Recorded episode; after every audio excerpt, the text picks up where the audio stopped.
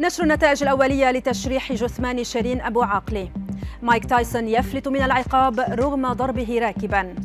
وشركتان أمريكيتان تحولان الجثث البشرية إلى قلائد ماسية. أبرز أخبار الساعة الأربع والعشرين الماضية في دقيقتين على العربية بودكاست.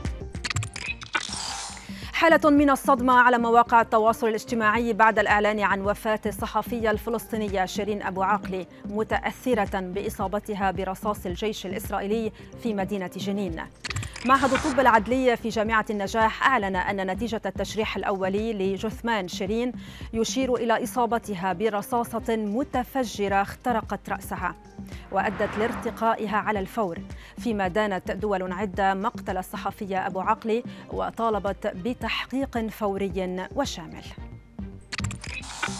بالتزامن مع استمرار الحرب الروسية الأوكرانية أعلن مسؤول مح مسؤول محلي موال لروسيا أن السلطات التي أنشأتها موسكو في منطقة خرسون جنوب أوكرانيا أعلن أنها ستطلب من فلاديمير بوتين ضم المنطقة للاتحاد الروسي.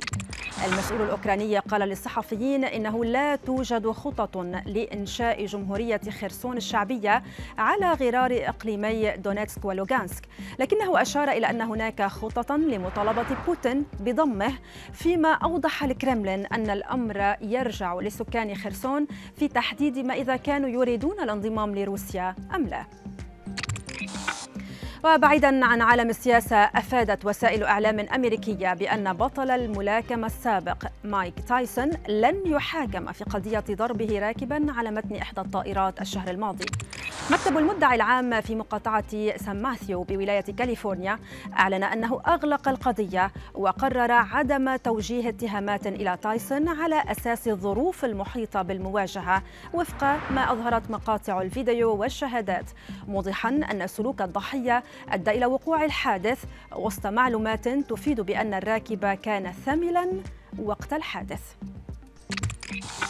وفي حادثة أثارت تفاعلا واسعا على مواقع التواصل هبط راكب ليس لديه أي خبرة في الطيران هبط بأمان بطائرة ركاب صغيرة في مطار محلي في أمريكا بعد تعرض قائد الطائرة لوعكة صحية.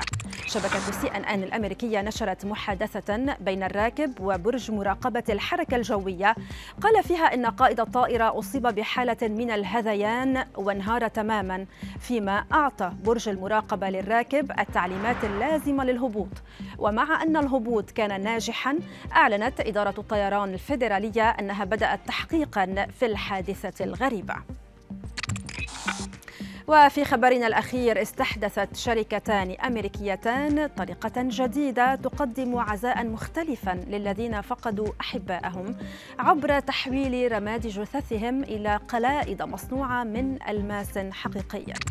الشركتان أوضحتا أن طريقتهما تعتمد على استخراج الكربون النقي من الرماد لإنتاج ألماس حقيقي عبر خلق درجات حرارة شديدة الارتفاع فيما تتم بعدها معالجة الرماد عبر مراحل عدة قبل وضعه في آلة لصنع الألماس كخطوة أخيرة.